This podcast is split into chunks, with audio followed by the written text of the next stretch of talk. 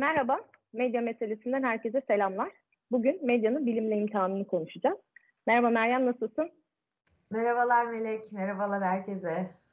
Merhaba. Bugün bizim yanımızda bu konuyu konuşacağımız alanında e, uzun süredir çalışmalar yapan Nihal Hanım var. E, Nihal, e, Fatih Sultan Mehmet Üniversitesi Doktor Öğretim Üyesi Nihal Özdemir, tam adıyla analım. E, kendisi uzun süredir felsefe, bilim tarihi ve iletişim disiplinleri çalışmalar yürütüyor. E, ve doktora tezi de İhsan Fazlıoğlu'ydu sanırım profesör doktor birlikte yazmıştınız.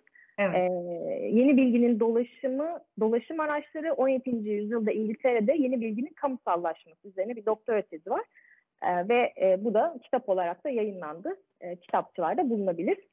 E, Meryem ne dersin? Medyanın bilimle imtihanı konusunda e, başarılı mı, başarısız mı? Yani medyada e, medya ve bilgi meselesi birazcık acıklı. E, muhakkak Nihal bize daha detaylı bir şekilde bilginin nasıl kamusallaştığını ve bir güce nasıl dönüştüğünü detaylı bir şekilde anlatacak. Ama medyacı olarak ben birkaç şey ekleyeyim. Medyadaki bilgi öldürücü bile olabilir Melek. Yani baştan böyle çarpıcı bir şey söyleyerek devam edeyim. Mesela evet. 90'larda bir aloe vera furyası başlıyor medyada. 2000'lerin başında. Ve aloe vera bitkisi e, e, yetiştirildiğinde işte onun özü içildiğinde, sürüldüğünde krem olduğunda aslında bu bilgi endüstriyel bir bilgi. Yani e, işte Rabbimizin yarattığı birçok e, e, faydası olan bitkilerden bir tanesi aloe vera. Türkiye'ye bu bir pazarlama tekniğiyle geliyor aslında. Bir rasyonel bilgi olarak e, bir işte pazarlama tekniğiyle geliyor. Ve her yerde aloe vera e, dikilmeye başlanıyor. Türkiye'nin her yerinde aloe vera yetiştiriliyor. Ama aynı zamanda piyasaya aloe veralı içecekler ve aloe veralı kremler sürülüyor. E, bu bitkinin üzerinden bir kremler sunuluyor. Ama biz bunu nasıl mesela bir pazar haline dönüştürebiliyoruz? Ben doğrudan pratiğini anlatayım. Nihal işin teorisini anlatacaktır. Yani mesela nasıl bir anda bu bir pazara dönüşüyor? Çünkü televizyonlar özellikle gündüz kuşağında e, doktorlar çıkarak e, yani tıp doktorları çıkıyorlar ve aloe vera bitkisinin faydasını anlatıyorlar. Bu bilgi yanlış mı? Yanlış değil. Ama neden bir zamanda belli bir dönemde belli bir bu çünkü medyanın aslında yönettiği bir şey, bilimin yönettiği bir şey değil. Şimdi mesela o dönemde çıkıyorlar aloe vera bitkisini anlatıyorlar, anlatıyorlar ve sonuçta o içeceklerden veya aloe vera'nın kontrolsüz kullanılmasından birkaç kişi ölüyor. Ve ondan sonra bir anda aloe vera kullanımı veya en azından söylendiği gibi kanseri engelleyen her tür deva olan mucize bir şey olmadığı anlaşılıyor. Şimdi tabii ki gene işte kremlerde, içeceklerde aloe vera var ama öyle bir şey değil ve anlıyoruz ki biz o dönemdeki furyadan yani bir birkaç kişi veya bir grup insan bir hayli zengin oluyorlar. Yani aslında burada baktığınız zaman son derece işleyen kapitalist bir süreç var. Bu konunun bilimle bir ilgisi yok ama bütün bu pazarlama medya üzerinden ve bilimsel bilgi eliyle yapılıyor. E, bu bilgi yanlış mı değil? Aloe vera bitkisi faydalı bir bitki. Ama belli bir dönemde belli bir konuyu yani bağlamsız metin olmaz gibi bağlamsız bilgi de olmaz. Yani bilgiyi bağlamından kopararak bir noktaya gittiğiniz zaman bambaşka şeylere hitap edebilirsiniz. Yine sonra bir örnek pandemi döneminde vereyim. Pandemi dönemi tamamen e, aşı meselesi, vakalar, nasıl davranılacağı bu konuya. Mesela sürü bağışıklığı yapalım mı yapmayalım mı? Veya işte aşılansın mı insanlar? Hangi yaşı aşılansın? Bütün bu meseleler baştan sona Dünya Ticaret Örgütü, e, Dünya Ticaret özür dilerim. Dünya Sağlık Örgütü'nü de içine alarak siyasallaştı. Peki kimler üzerinden siyasallaştı? Mesela bakıyorsunuz dünyada, bu Türkiye'de değil, dünyada da böyle bir profesör, e, tıp e, doktoru çıkıyor ve işte sürü bağışıklığından bahsediyor. Ama başka bir yerde bir başka tıp doktoru tamamen kapanmadan bahsediyor. İşte kapanmanın diyorlar ki işte şu şu şu insanlara şöyle zararları var, yararları var vesaire. Yani bakıyorsunuz hani objektif olarak üretildiğini düşündüğünüz tıbbi bilgiler arasında siyasi bir savaş olabiliyor. E, medyadaki en büyük yanılgı toplum açısından bu bilgileri dinlerken, bir doktoru dinlerken, bir bilim adamı dinlerken, bir titri olan bir kişiyi dinlerken bu bilginin tamamen insanlık yararına, tamamen objektif sahiplerle üretildiğini düşünmektir.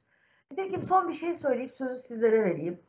E, dergiler var mesela, tematik dergiler. Aslında Melek birçok bu tarz bilgi bu dergiler eliyle üretilir. Bizim e, gazete veya televizyon veya sosyal medyada hızla dönüşen bir bilgiler var ya hemen yayılan. Hı hı, Aslında hı. bunların kaynağının çoğu tematik dergilerdir. İşte bilim dergileri bilim, vardır, bilim dergileri. tıp dergileri vardır, e, işte e, eczacılık dergisi vardır vesaire birçok yani otomotiv dergisi vardır. Bilimsel bilgiler buralarda üret yani popüleriz popülerleştirilmek istenen bilimsel bilgiler ve oradan hızla yayılır. Halbuki oralarda da bu bilgileri koyan, yerleştiren bir yayın yönetmeni, bir editör, bir seçici evet, bir evet. kadro vardır. Onların işte bağlantılı olduğu sermaye grupları vardır. Veya bir bilgi fonlanmıştır mesela. Yani boşu boşuna e, piyasaya sürülmüyordur. Veya bir bilgiyi mesela siz buralarda üretip e, yayarken bunu işte bir şekilde e, bir profesör eliyle yaymak, bir araştırmaya dayandırmak, bir istatistiğe dayandırmak elbette sizin e, çok işinize yarayacaktır. Ama halbuki burada mesela arkasında başka bir sermaye ilişkisi, yeni çıkmış bir ürün olabilir ve bunu o konuşan kişinin de haberi olmayabilir ondan. Yani uzmanlığında çağırırsınız, bir kişiyi konuşturursunuz. Halbuki evet. bir ürün sürüyordur piyasaya. Bu kişileri ben asla suçlamıyorum. Bunların bundan haberi vardır ve bunu böyle bilinçli olarak yapıyorlardır değil. Sadece biz bunun bir sektör, bir piyasa, e, bir e, bir şekilde pazarlama tekniği olduğunu anlayamıyoruz çoğu zaman. Çocuklar için bir şey konuşulurken anneler onu çocuklarının faydasına olan bir şey olarak algılıyorlar. Yani benim çocuğum için faydalı diye düşünüyor. Ama mesela çevre konularında, çevre de inanılmaz siyasallaşmış bir konudur. Çok küçük bir parantez açayım çevre meselesi bir iklim konusudur değil mi günün sonunda? İklimle de çok ilişkilidir. Çünkü siz dünyayı kirlettikçe, havayı kirlettikçe iklimsel dönüşüme büyük bir etki yapıyorsunuz. Bu inanılmaz zaten. Başlı başına bir programda inşallah konuşuruz Melek. Başlı başına bir siyasallaşmış mesele. Ama şunu da unutmamak lazım ki insanların bazen küçük şeylere, ambalajlara, işte poşetlere vesaire taktıkları kadar hepimizin tek tek arabalara binip ve o arabaların yaydığı ağır e, civa gaz, işte ağır metallerle dolu egzoz gazlarına, araba kullanımına, işte petrol tüketimine çok az e, bir hassasiyet bulursunuz. Hemen hemen böyle bir hassasiyet yoktur. Halbuki havamızı kirleten en çok şey bu kullandığımız araçlardan çıkan ağır metaller içeren ve havada asılı kalan egzoz e, dumanları. Ama siz egzoza karşı bir savaş açtığınızda aynı zamanda çok büyük bir sanayiye, çok büyük bir endüstriye de e, savaş açmış olursunuz. O yüzden de bazen bakarsınız e, hassasiyetler de seçilmiş şekillerde e, üretilirler. E, dolayısıyla buradaki bilgilerin, bilimsel bilginin bilimselliği üzerine e, isterseniz e, konuşalım. Ben diyerek burada bitireyim. Tamam. Şimdi e, konuşmanda birçok başlık açtım. Ben birkaç tanesiyle ilgili fikrimi söylemek istiyorum. Ondan sonra da e, o çarpıcı sorularla birlikte Nihal'e söz vereceğim. Birincisi hani dedin ya televizyonlarda çıkan uzmanlardan bahsettin. E, daha bilgi yeni üretiliyorken insanlar işte zaten birçok konuşmanın temelinde de bu yok mu? E, oradaki bilgi boşluğundan hareketle e, edinebildikleri e, ya da o tespitleri insanlara aktarmaya çalışıyorlar. Bu noktada bir yere bir referans yapmak istiyorum. Ondan sonra da e, şeyi bağlayacağım e, Telek yayınlarından Salgın diye bir kitap çıkmıştı. Bundan bir sene kadar önce olması gerekiyor. Burada bir makale var ve e, yazarını hemen söyleyeyim. Bir saniye. Pandemi ve bilim başlığıyla yayınlanmış Önder Ergün'ün makalesinde şöyle bir e, kesit var. Tam senin e, son şeyde bahsettiğin yere denk geliyor. Pandemi süreci bizleri aynı zamanda hurafecilerin etkisinin azalması gerektiği konusunda uyarıyor. Sürecin başında sürekli hurafeler, komplo teorisyenleri gibi figürleri sıklıkla gördük. Ne var ki kıyısından köşesinden bilimle uğraşmış, konunun uzmanı olmasa da temel kavramları anlayabilen ya da bu kavramları öğrenmeye çalışan ve öğrendiklerini ünvanına ya da mesleğinin kısmi ilgi çekiciliğine güvenerek öğrendiklerini bir an önce medya yoluyla anlatmak isteyen kişiler türedi. Tam wow. senin az önce bahsettiğin şey o kadar güzel tespit etmiş ki çünkü aslında sorunumuz şu. Pandemide evet Konda'nın bir araştırması var. Diyor ki insanların da Türkiye'de insanların %97'si koronavirüsten haberdar. Fakat diyor %86.5'i galiba e, nasıl yayıldığını da biliyor. Fakat uygulama %55. Şimdi uygulama mesela %55 olmasının sebebi ne? Kafa karışıklığı. Peki bu kafa karışıklığının sebebi ne? Tam burada anlattığım sebeplerle iletişimde, medyada e, bir takım e, farklı figürlerin bilim adına konuşuyor olması. Şimdi bugün geldiğimiz iletişim dünyasında iletişimi tek taraflı da göremeyiz. Çok refleksif bir şey. Nihal Hoca hatta kahvehane, kahvehanelerden bahsediyor İngiltere'de bilimin nasıl yayıldığıyla alakalı. Çok refleksif bir şey. Yani sadece televizyonlarda evet insanlara yani pandemi üstünden anlatıyorum. Salgını nedir, nasıl yayılır, nasıl önlenebilir, nasıl te- tedbirler alabilir gibi birçok yayınlar yapıldı. Bu yayınları daha e, referanslarını daha güçlü kılabilmek için birçok e, işte uzman ya da işte uzman mesleğine bu uzmanlığı adapte eden kişileri gördük. E, fakat e, bir de bir tarafta da kimler var? E, bu hesaplar vardı. Hatırlar mısınız? Mart ayında bir şey açıklanmıştı. İngiltere'de e, bir firm, e, bir STK, e, İngiltere ABD ortaklığında çalışıyordu. Dijital Nefretle Mücadele Merkezi, kısaca CCDH diye anılıyordu. E, bir rapor yayınladı ve COVID-19 salgını hakkındaki aşı karşıtı yalan ve komplo teorilerinin arkasında Facebook ve Twitter üzerinden e, yayın yapan 12 hesap keşfetti. Bunu hatırlarsınız bayağı gazetelerde, haberlerde de şey evet. bulmuştu. E, bu 12 hesabın yaklaşık 59 milyon takipçisi var. E, ve e, aşı karşıtı paylaşımların %65'i onlara aitti. Şimdi bunu niye, niye söylüyorum bütün bunları? Aslında gelmek istediğim nokta şu. Evet bir tarafta e, medya, televizyoncular, gazeteciler, dergiler e, bahsettim, gazeteler bahsettim. Ama bir tarafta da toplumun içinde de bir takım WhatsApp gruplarından, sosyal medya hesaplarından, Fısıltı Gazetesi gibi bir takım e, sohbetler üzerinden infodemiye eşittir düşen insanlar da vardı. E, yani e, mezenformasyon aslında bu dönemde virüsten daha hızlı yayıldı. E, bir de şeyler vardı bu senin bahsettiğin makalelerin de bir database'i vardır ya hani tamam bilim dergileri var, popüler bilim dergileri ama onların da refere ettiği ve bir geriye gittiğimizde bazı e, bilimsel makaleler var. Laboratuvarların yayınladığı ve kendi içlerinde işte böyle hakemli dergilerden bahsediyorum işinizde. Bu hakemli dergilerdeki bir kısım insanlar hakemli dergilere gittiler. Oradan makaleler aldılar. İşte İngilizceden Türkçe'ye çevirdiler. Yetmediği yerde ya işte bu madde neymiş deyip Wikipedia'ya girdiler. Wikipedia'dan e, işte a bak bu makale işte bu madde şuna sebebiyet veriyormuş, işte bu kısırlık yapıyormuş, işte bu bilmem ne gibi e, böyle ben bunları Wikipedia istası diyorum. Baya hani uzmanmış gibi sosyal medya hesaplarından da insanlara bir takım bilimsel bilgi yaymaya kalktılar. Bir de böyle toplumun içerisinden çıkan böyle insanlar da oldu. E, tabii herkes içerik üreticisi oldu. Postmodern bir dünyada yaşıyoruz. E, fakat bütün bunların benim tespitimde gördüğüm şey insanların direncini psikolojik olarak zayıflatan bir sürece doğru gitti. Yani korku tetiklendi, kaygı büyüdü bu dönemde. E, infodemi dediğim işte esir düştü insanlar. E, acaba daha büyük bir sorun ve sorunu da doğurdu mu diye sormak istiyorum. Yani bu bilime olan güven, bilim insanları olan saygımız. E, ben burada işte Nihal'e dönüp bunu sormak istiyorum. Yani pandemi bizim bilime olan e, güveninizi sarstı mı? Sen bu konuda ne düşünüyorsun? E, teşekkür ederim hem takdimin için Melek e, hem de her ikiniz de aslında anlatılacak tüm şeyleri e, bayağı başlıklar halinde verdiniz. E, ben de şimdi o zaman e, bir yerden tutayım. E, hem ikiniz de ortak olarak ifade ettiniz bilimsel bilgi. Bundan bahsettiniz. Önce o zaman en e, bunun e, küçük parçasından başlayalım. Ortada dolaşan e, e, dolaşıma giren bilimsel bilgi nedir? Biz aslında bilim tarihinde bunu hep şöyle anlatıyoruz.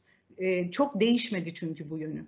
İçinde yaşadığımız evreni anlama ve denetim altına almak amacıyla kullandığımız zihinsel ve eylemler, eylemsel işlemlerin tümü bunun çıktısı. Evet. Yani en genel anlamda aslında temellendirilmiş bilme. Temellendirilmiş evet. bilme ve belli bir konuyu bilme isteğinden yola çıkıyor. Belli bir amaca yöneliyor bu bilgi. Hem e, bilgi edinme süreci hem de yöntemli araştırma süreci. Bilen bir zihin bir nesneye e, bilinçli yöneliyor ve bundan bilimsel bilgi ortaya çıkarıyor. Önce üzerine konuştuğumuz e, dolaşıma giren en küçük parçacık bu. Şimdi güven konusuna gelelim. E, güven medyanın e, bilimle olan ilişkisi açısından güvenin zedelenmesi. Aslında e, ben tabii bir, bir, hem iletişimciyim hem bilim tarihçiyim. Dolayısıyla ikisini birleştirerek cevap vereceğim. E, 20. yüzyıl Meryem Hanım da çünkü söyledi. E, dedi ki e, yani sektörle ilişkisinden bahsetti. E, 20. yüzyıl aslında tam da o işaret ettiğiniz noktanın yani bilimin endüstriyle yakınlaştığı, ekonomiyle bağlantılarının güçlendiği, devletle bağlantılarının güçlendiği, daha doğrusu bilimin aslında bir güç olarak fark edildiği ve dolayısıyla medyada da kendine yer bulduğu, kitle iletişim araçları tarafından e, bir konu olarak ele alındığı bir dönem. Birinci Dünya Savaşı ve özellikle İkinci Dünya Savaşı arası. Ve bu önem mesela Amerika ve İngiltere tarafından hemen fark ediliyor ve bilim iletişimi eğitimleri için lisans yüksek lisans eğitimleri organize ediliyor. Neden? Çünkü bilimin e, ulaşacağı kitle ile bilim arasında köprü oluşturmak. Bunun öneminin farkında. Biz bunun aslında kaosunu yaşıyoruz bence. Çünkü bilimi, bilim bir kaynaktan çıkıyor, uzman bir kaynaktan çıkıyor. Bir e, medya aracılığıyla, bu medyayı hem medya, sos, kitle iletişim araçları anlamında kullanıyorum, hem de ortam anlamında kullanıyorum. Bilim bir kaynaktan çıkıyor ve bu ortam aracılığıyla insanlara ulaşacak. William Lawrence diyor ki, bilim iletişimcisi, bilim yazarı William Lawrence diyor ki, aslında bilim insanları, bakın kaynak yani, Prometheus'un torunlarıdır diyor. Kimdir bu Prometheus? Hesiod destanında, yani Hesiod destan ama bizim için bilim tarihi için önemli bir kaynak. Çünkü bilime, kültüre e, ve toplumun genel niteliklerine yönelik bir sürü bilgi e, sağlıyor bize. Bu Hesiod destanında Prometheus tanrılara baş kaldıran bir tanrı oğlu. Tanrılara e, tanrıların e, dokunmayın dediği o ateşi alıyor. Yine tanrıların yaşadığı dağdan alıyor ve halka sunuyor. İşte diyor ki William Lawrence, bilim insanların da o e, ateşi alan yani bilimi halka sunan insanlar olarak düşünmek lazım. İşte bilim iletişimcilerinin pardon. Bilimi e, halka sunan, e, bu aracı gören, bu köprüyü gören insanlar olarak düşünmek lazım. Yani e, bilim insanları, o dolayısıyla biz iki yere e, odaklanmalıyız. Bilim insanları bunu yapıyor mu? Bilim insanları kendi üzerine düşen bilgisinin, hani bizde bilginin zekatını ver deriz. E, bu kendisi halkın anlayabileceği, tabii ki tüm e, ilmi çalışmalarını ha, halka açması anlamında söylemiyorum ama muhakkak anlayabileceği kısmı vardır. O kısmı halka açıyor mu? Halkın anlayacağı dille anlatıyor mu? Dilini sadeleştiriyor mu? Bunu sunuyor mu? Maalesef akademide bu bilimin popülerleşmesi olarak ifade edilir ve küçümsenir. Popülerleşmeyi de burada lütfen şey olarak algılamayalım tabii. Beğenilmek değil. Popüler, popülasyon kelimesinden insana değmek, bilinir kılınmak. Yayın, yayılmak. Kesinlikle bilinir kılıyor mu? Evet, yani insanları herkesçe bilinir hale getirdik mi bilimi? Bir akademisyen olarak kendimize bunu bakacağız, soracağız. Yoksa hala küçümsüyor muyuz popüler bilimi? Bakın İngiltere ve Amerika bunu çoktan kurumsallaştırdı bu 19. yüzyılda, 20. E, yüzyıla girerken. Peki biz bu açıdan bir sorumluluğumuzu tartışalım. Bir de halka ulaşımında tam e, orada e, aslında her ikiniz de çok güzel e, ifade ettiniz. Halka ulaştıran mecralar gerçekten uzman kişiler mi? Yani bilim insanlarından bahsetmiyorum.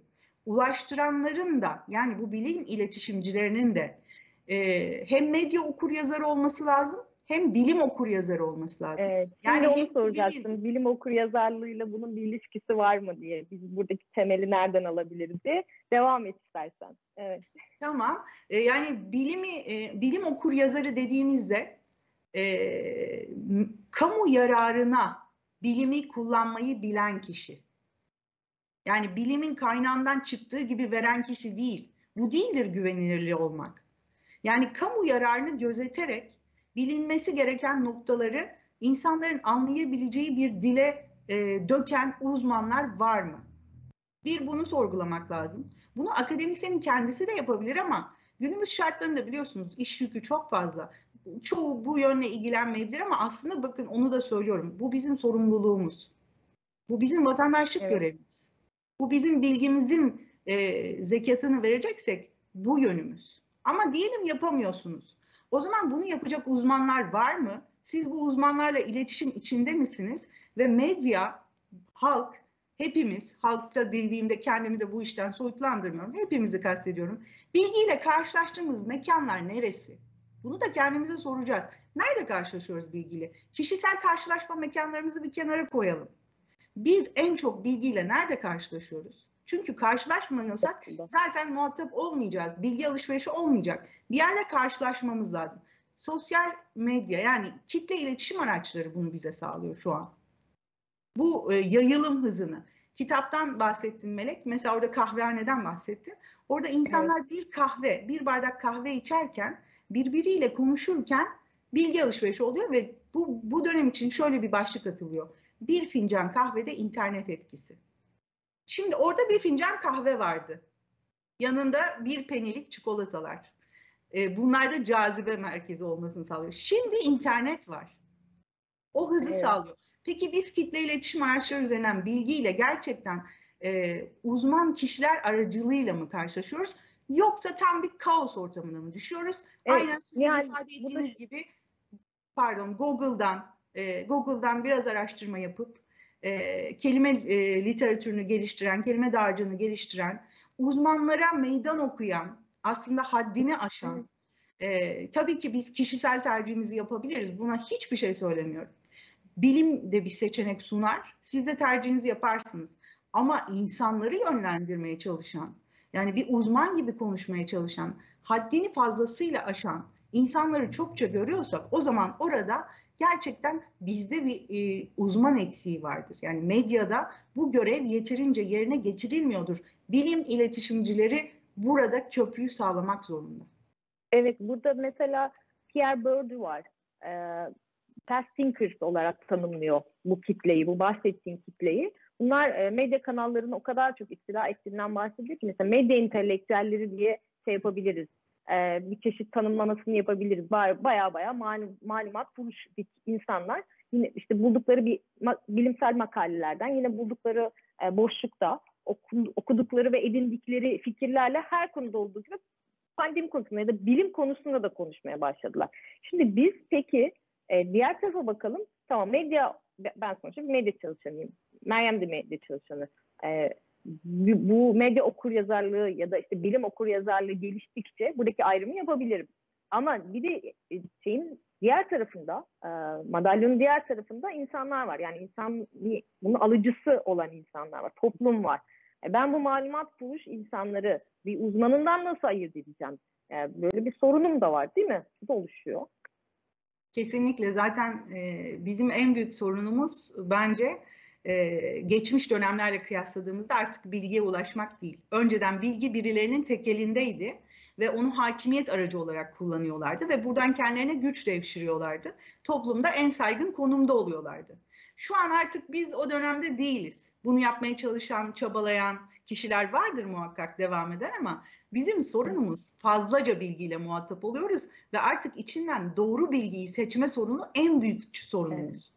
Yani bugün e, karşımıza çıkan her şeye iki kere değil, üç kere değil, dört kere bakmak lazım. Bu gerçekten gördüğüm mü? Algı gerçektir ilkesi var çünkü siz de bilirsiniz. E, özellikle medyada algılanan şey evet. gerçek olarak kabul edilir. Bunun üzerine hatta e, görmüşsünüzdür değil mi? Mesela bir şey yayınlanır, görsel. O görselin yanlış olduğu bilinir.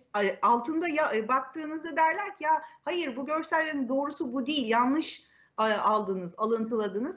Ama bir bakarsınız asıl yayılan e, diyelim 30 bin, 40 binlerde yayılmış, almış başını gitmiş. Orada cılızca sesi çıkan gerçek bin bile olmamıştır. Algı gerçektir dediğimiz bu yani. E, evet. Dolaşıma girdiği anda bizim karşımıza çıkan aslında bizim en büyük sorunumuz biz doğru bilgiyle karşı karşıya mıyız? Bu da bizim görevimiz. Yani e, bilgiyle karşılaşan herkesin görevi artık. Bu doğru bilgi midir? Bunun üzerine çok düşünmemiz gerekiyor. Öyle değil mi? Her bize sunulanı evet, evet. bilgi olarak yutmamamız gerekiyor. Bizim de dönemimizin en büyük sorunu bu. Yani öğrenciyken bizden şu beklenirdi. Her şeyi zihnine e, kaydetmek, kitaptaki bilgileri ve bunu güzelce yansıtmak. Ama şimdi bunu beklemiyoruz artık. Eğitimde de bunu beklemiyoruz. Evet. Doğru bilgiyi alabilmek, doğru bilginin ne olduğunu anlayabilmek, bu kriterlere uygunu seçebilmek. Yani, yani eleştirel düşünme becerilerini geliştirmek insanlarda. Kesinlikle Doğru ama mu? burada burada şunu da yapmayalım. Bilim yanılmaz değil. Yani bilim yanılabilir. Bilim bunu artık e, bu ki bu yanını ispatladı zaten. Yani orta çağdan modern bilime geçişte en çok bilimin e, kimliğine yapışan nokta burası. Bilim yanılabilir. Her şeyi sorgula diyor Royal London, London Royal Society. Nullius in verba diyor. Her şeyi sorgula. İşte bilimin bilim de sorgulanacak. Asla sorgusuz kabul etmeyeceğiz. Böyle bir şey yok zaten. Bizim karşımıza çıkan bilginin de bileceğiz. Biliyoruz ki e, doğru olabilir, yanlış olabilir. Bilim e, çıktısı olsa bile. Çünkü bilim bir süreç. Ben başlangıçta tanımını yaparken bir süreç. Bir süreçten geçiyor. Kendisi de kendisine bir imtihan veriyor. Belki bu çıktıdan vazgeçecek. Ama biz ona güvenmek zorundayız. Çünkü en azından biliyoruz ki yöntem olarak doğru bir yöntemle gidiyor. Ama çıktısı yanlış olabilir. Bu konuda birbirimizle savaşmamıza gerek yok aslında. Yani bu şüphe iyi bir şüphe, faydalı bir şüphe. Ama bilime duyulan şüphe değil bu. Buna ayırt etmek lazım. Ee, şöyle bir böleyim. Bu ek olarak yani doğru bilginin doğruluğunun bir garantisi yok diyorsun. Yani, Bilginin evet doğru ve yanlışlığının e, so, çokça sorgulanır olması gereken bir dönemdeyiz diyorum. Evet ama en azından malumatla işte zırvayla e, saçmayla bunun arasındaki farkı anlayabiliriz. E, şimdi ben e, diyetisyenlerden örnek vermek istiyorum. Bir de bence buna ek olarak bu vereceğim örnekle beraber e, bu bilgilerin başta da söylediğim gibi sizin de ifadesinin ikinizin de ifade ettiği gibi endüstrileşmiş ve başka bir pazarlama tekniği olduğunu da e, görmek mümkün. Şimdi mesela e, Women Health Technology diye bir şey var. Kadın sağlığı teknolojisi. İşte e, kadınların e, işte e, birçok noktada işte e, mesela ovülasyon döneminin tespiti vesaire işte bazı kadınlara ait hastalıklar vesaireler bir, bir ciddi bir endüstri var. Bir o kadar e, sporla ilgili bir endüstri var. Bunun eşyasından tutun, teknolojisine, eğitmenine, işte e, tesisine kadar böyle bir endüstri var. Evde spor teknikleri, işte kolunuza takıyorsunuz, nabzınızı ölçen aletler vesaireler, yürüme bantları. Bir o kadar da diyet ve diyetle ilgili alakalı olarak şey var. Mesela bir e, pazar ünlü bir pazarlamacı şey demişti. Faydalı bir şeyin reklamı yapılmaz e, mesela kimse domatesin reklamını yapmaz, yapmaz diye. Yani dolayısıyla... Ama olur mu sürahi sürahi su içirdiler bize sağlıklı olacağız diye. Evet e, yani su, tabii su içirdiler ama içine limon nane falan atıyor atıyor musunuz şu.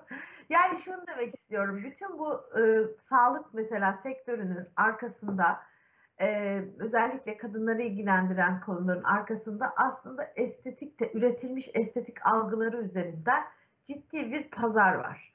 E, ve e, bunun e, bu pazarın e, en azından e, kendisine e, her anlamda sağlık müşterisi gibi davranan e, sektörü e, insanın farkında olması gerekiyor. Çünkü bu sektörden çok fazla bilgi geliyor ve bu bilgiler tam da söylediğiniz gibi değişiyor ve dönüşüyor. Mesela bir dönem yani çok yakın zamana kadar diyetisyenler hala da belki bunu yapıyor olabilirler. Altı öğün beslenmeye yönlendiriyordu insanları metabolizmayı şaşırtacağız. Arada bir havuç ye, işte şey ye, faydasız şeyler ye, hızlı hızlı çalışsın.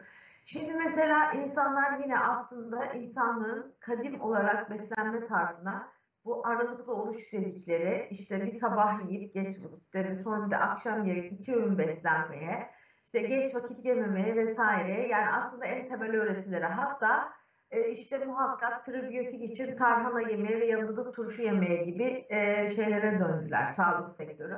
Ama tabii ki bu da durmuyor. Mesela sağlık sektörü e, bir şeyi sağlıklı olarak kadim bir şeye de geleneğe dönse de size ya anneniz evde tarhana yapıyordur alın pişirin demiş. Onun da sektörünü oluşturuyor. Siz mesela kendinizi çok iyi hissediyorsunuz. Kütahya'daki bir çiftlikten bir kutu işte üç tane organik patlıcan, dört tane e, böyle işte organik şey alalım derken aslında o kargo şirketlerinin gidip gelmenin, nakliyenin, ambalajların da doğaya verdiği zararı onların da sizin sağlığınıza geri dönüşümünü düşünmüyorsunuz. İşte çiftlikler kuruyorlar bilmem ne çiftliğinden beş tane kabak gelecek diye aslında Kabağın da bir yolculuğu var vesaire. Bu sefer bunu da müsaade etmiyor.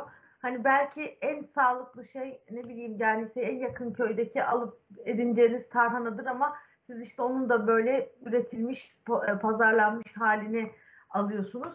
E, ve e, fakat yani mesela diyetisyenlerin bu konulardaki değişen trendleri yani doğrudan insan sağlığı üzerinden yeme içme rejimini düzenlerken yanılgıları bir öncekini ya artık öyle yapmıyoruz, öyle yapmıyoruz, öyle yapmıyoruz diye giderken kurdukları dil çok önemli. Yani insan vücudu üzerinden tıp bir dil kuruyor ve siz o dile hakim değilsiniz. Bizler değiliz o, o dile. Ve orada bir neden sonuç ilişkileri kuruyor. Böyle yaparsan vücudunda böyle olur. Şöyle yaparsan biz o bilgiye de hakim değiliz. Yani anatomi, fizyoloji vesaire bilmediğimiz için e, o bilgilere de hakim değiliz. Dolayısıyla e, itaat ediyoruz.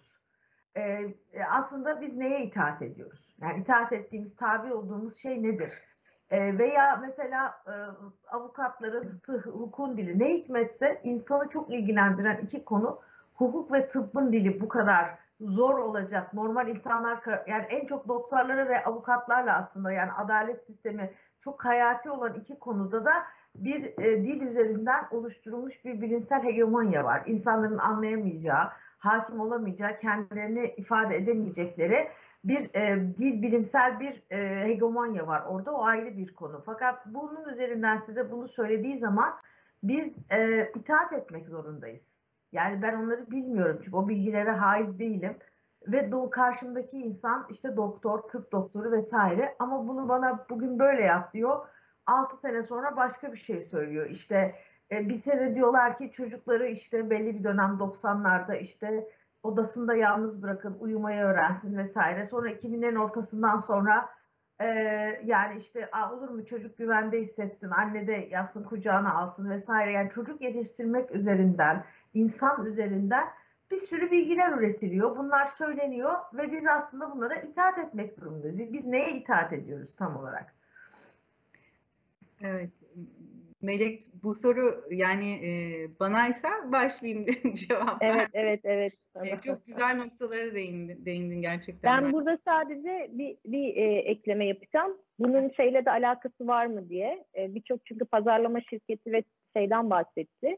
E, markalardan e, ve büyük kurumlardan. E, senin de kitabında bilginin hamiliği üzerine bir e, anlattığın bir takım şeyler de var. Ee, evet. Orayla da ilintili mi bilmiyorum ee, ama belki varsa e, orayı da değinebilirsin. Onun dışında. Tamam. Anladım. Bağlantı var tabii ki. Evet, e, güzel güzel bir noktaya yakaladın Melek. Şimdi e, Meryem'in bahsettiği şey aslında e, genel e, tıp ve özellikle e, hukukun e, hakimiyetinden bahsetti. Yani biri can güvenliğimiz, biri de aslında kabaca mal güvenliğimiz. İkisi de gerçekten hayatımızda çok önemli. Dolayısıyla e, tabii ki bu kadar nüfuz etmeleri çok normal. Ama e, bunu bütün bu hani Meryem'in söylediklerini daha böyle genel ifade edersek aslında bilim ve ekonomi arasındaki bağlantı. Bilim ve ekonomi arasındaki bağlantı bizi e, bilime karşı güvensiz değiliz ama bu bağlantı bizi tedirgin ediyor. Bu bağlantıya güvenimiz yok. E, çünkü biraz da şöyle bir e, bu yaklaşımın ben tarihsel bir arka planı olduğunu düşünüyorum. Çünkü pozitivist bakış açısıyla biz bilimi öğrendik. Nedir? Bilim yanılmazdır. Bilimi sunan insanlar objektiftir. Bilim e, sanki bizim aramızdan değil de çok yukarıdan geliyor bize. Sanki hani insan içinden çıkmıyor da bir insan üretimi değil de adeta böyle mükemmel bir üretim gibi aramızda. Şimdi bir kere Prometheus.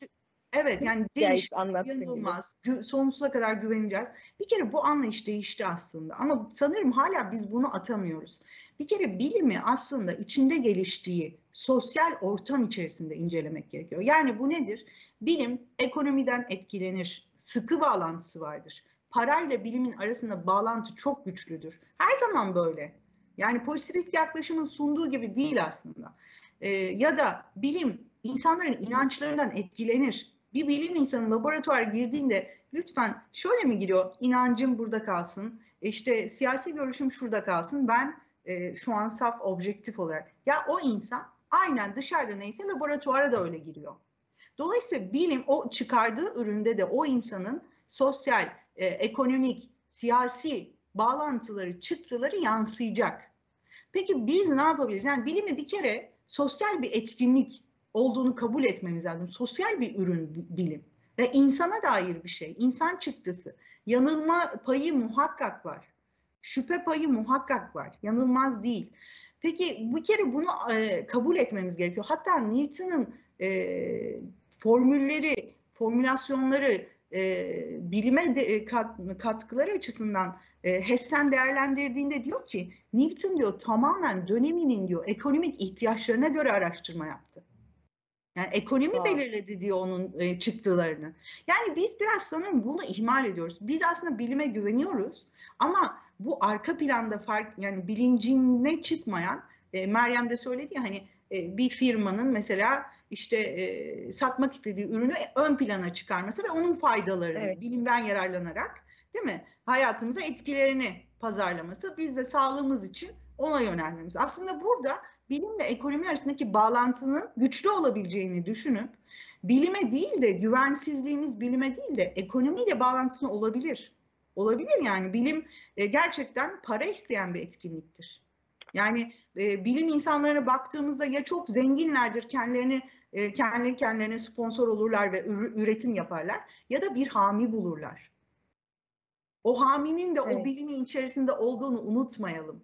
Aşı için de böyle düşünemez miyiz? Şimdi aşı bizi rahatsız etmiyor aslında ama ilişkisi rahatsız edici değil mi? Yani kamu yararı evet, gözetilmesi evet. gereken bir e, durumda, olguda bağlantıları bizi rahatsız ediyor. Oradan para kazanılması, acaba sağlığımız üzerinden oyun mu oynanıyor? Bize yanlış bilgiler mi veriliyor? Olabilir. Ekonomi bağlantısını unutmamak lazım. Ve bilgiye teslim olmak değil de yöntemi, yöntemi aslında odaklanmak lazım. Bu bilgi hangi yöntemle elde edildi? Ve ben seçeneklerim içerisinden aslında e, bilim de size seçenek sunar. Yani kabul edebilirsiniz, etmezsiniz. Bir bilim insanının yöntemini tercih edebilirsiniz ama yeter ki emin olun o gerçekten e, uzmanı mı? Şarlatanı mı, uzmanı mı? Bir kere bunun ayrımına varmak gerekiyor. Bir. İkincisi sizin de sezgileriniz var. Çok atıf kalıyoruz bilim karşısında. Biz aslında kendi bedenimiz içinde yaşıyoruz. Ya biz bedenimizi tanıyabiliriz. Sezgilerimiz var. Sezgileri çok arka plana attık. Yani e, bilimi o kadar yanılmaz, o kadar objektif kabul ediyoruz ki kendimizi unutuyoruz. Yani bu mesela Meryem çocuk yetiştirirken kitapla yetiştirmekten belki sezgilerimizi aslında arka plana attık ve yapabileceklerimizi, daha iyi yapabileceklerimizi görmezden geldik. Sezgilerimizi unutmadan istediğimizi seçebiliriz. Bilim bize bu özgürlüğü sunuyor. Birbirimizle bu kadar kavga etmemize gerek var mı aslında? Yani Yok. aslında medyanın ee, da yapacağı şey farklı fikirleri bir arada, farklı bilimsel yöntemleri bir arada sunmak. Ama yeter ki uzmanı olsun, aynı bilimsel e, inanca sahip olsun. Fakat çıktıları farklı olabilir. İnsanlar onlardan seçebilir ama bunu şarlatanlara bırakmamak ve medya iletişim, özellikle bilim iletişimcilerinin bilinçli yaklaşımları. Bu aynı ortamda sunulursa güven böyle oluşur. Tek bir şey Buna olumlu şüphecilik diyebilir miyiz? Hı? Olumlu şüphecilik olarak, olumlu Kesinlikle. şüphecilik Aynen. olarak tanımlayabilir miyiz bu durumu? Kesinlikle. Olumlu yani evet bunu olumlu şüphecilik ya da faydalı şüphecilik. Bilimin içerisinde olan o şüphenin beslenmesi bilimi besler. Bilim halktan geri bildirim alacak ki o bilim insanı halktan geri bizden geri bildirim alacak. Bakacak yani bu ürettiği şey nasıl yansıyor? Biz onu besleyeceğiz. Yani bizim bilime merak duymamız lazım. Bir kere kamu bilime merak duymazsa merak, bilim beslenmez. Tek taraflı olamaz mı? O zaman kendin çalar, kendin söylersin. Ama bu karşılıklı etki olduğunda güçleniyor. Bunun e, aslında bunun önemi çoktan anlaşıldı. Yani e, bu buna biraz daha odaklanmamız lazım. Bir de bir şey daha söylemek istiyorum. Bu konuda Stephen Shapin'in e, biz seninle program öncesinde ufak bir konuşma yaptık ve sen o noktayı beğendiğini söylemiştin. Centilmenlere olan güvenden evet, e, bahsetmiştin evet. ve centilmen... Zaten şey, süremizin de sonuna geliyoruz. Ee, eğer Meryem'in de başka bir sorusu yoksa ben bence bu son Centilmen kitabında bahsettiğim e, İngiltere'de sanırım işte belli ortamlarda fikrine güvenilen insanların e, bir centilmen edasıyla girdiğini ama zaten centilmenin sosyoekonomik background'undan getirdiği bir e, durumuyla söylediğinin de güven e, test ettiğinden bahsediyoruz. Bize biraz evet. da bunu bugüne uyarlayarak e, anlatırsan e, benim son sorum bu olacak. Meryem bilmiyorum. E, ben de centilmenlik göstererek e, son sözü sizlere bırakıyorum. Teşekkür Peki. Teşekkür ederim o zaman. Ee, orada centilmenlerin yani Stephen Chopin'in e, söylediği şey bilginin biraz da kimden geldiği, nereden geldi, kaynağın güvenilirliği. Yani kaynağa güvendiğinizde e, yüzde elli avantajlı bir şekilde çıktığı ürün de güvenilir oluyor. Onu demek istiyor ama kendisinin şöyle bir teklifi var. Ben onu e, özellikle belirteyim. E, bilim insanına diyor ki ilmi dürüstlük içerisinde olması. Nedir bu ilmi dürüstlük? Yani şu değil. Bakın ben bu söylediklerim objektif. Kesinlikle içine hiçbir şey, kendine inancımı katıyorum, ne siyasi görüşümü. Bu değil ilmi dürüstlük. Benim bir siyasi gör, ben insanım. Bilim insanı olsam da bir insanım. Benim bir siyasi görüşüm. Hatta bunu şöyle ifade ederler. Ya e, hem beynini çok iyi kullanan bir kesiminden bahsediyorsunuz. Hem hiçbir siyasi hem görüşü olmasın, ina, inancı olmasın. Mümkün mü? Hayatı da iyi yaşamak isteyecektir. Anlamlandırmaya çabalayacaktır. Dolayısıyla bir siyasi görüşü, inancı, ekonomisi her şey olan bir insan ama şunu yapabilir. Yani güven önemli hakikaten. Ben belki size bunu anlatırken inancımı da katmış olabilirim. Ya da burada benim ekonomik kaygılarım olabilir. Aslında dürüstçe davranmak. Ya da Chopin bunu nasıl yapmış? Ben size kitabımda atalarımın yolunu öveceğim. Çünkü ben oradan doğdum diyor. Bu da bir sizi okuyucuyu Evet. bilinçlendirir öyle değil mi? Yani kime karşı e, yani size aslında gardınızı almanızı söylüyor. Ben yanılmaz değilim diyor. Ama araştırmalarımı size olabildiğince ilmi dürüstlükle sunacağım. Ama benim de bir inancım var, benim de bir politik görüşüm var ama adaletsizlik yapmamaya çalışacağım. Yani belki bu bilime bakışı, pozitivizmin getirdiği bu bakışı artık yıkmamız da gerekiyor diye düşünüyorum. Yani tabii ki e, bu kadar şüpheden bahsedip söylediklerim yanılmazdır, e, değişmezdir demeyeceğim. E, her her zaman sorgulamaya, şüpheye açık. Bence harika bir sohbet oldu. Ben çok istifade ettim. Ee, Nihal ağzına sağlık. Ee, kitabını da e, tekrar edelim istersen Melek. Ee, yani e, bu konuda kendisinin yazdığı bir e, kitap da var. Ee, yeni Evet, yeni bilginin- dolaşım araçları 17. yüzyılda İngiltere'de yeni bilginin kamusallaşması adıyla e, ikinci TTV yayınlarından çıkmış. Ee, yeni bilginin dolaşım araçları Evet. Nihal Fırat Özdemir. Ee, bugün bizimleydi ve bu kitap ekseninde de bence çok e, güzel şeyler konuştuk. Ben çok istifade ettim ve gerçekten çok e, güzel, toparlayıcı, ufuk açıcı, bizlere kafamızda böyle birikmiş sorularımızı evet. e, cevaplayıcı bir e, sunum oldu. Çok teşekkürler. Ben de çok teşekkür Yani ederim. çok Benim teşekkür. Çok besleyici oldu. Ee, sizler bu alanın e, içindesiniz, aktif devam ediyorsunuz. Ben de sizden beslendim aslında. Ee, nedir e, problemler, nasıl yansıyor, biz biz daha çok bu konuya nasıl eğilebiliriz? Benim için de çok besleyici oldu. Çok teşekkür ediyorum. İzleyicilere de çok teşekkür ediyorum. Çok teşekkürler Nihan. Çok keyifli bir sohbet oldu. Gerçekten çok istifade ettik. E, kitap zaten çok etkileyiciydi. Onu buraya taşımış olmaktan da büyük ayrı bir mutluluk duydum. E, herkese teşekkürler. O halde bugün medya meselesinin sonuna geldik. E, yeni bir programda görüşmek dileğiyle. Hoşçakalın.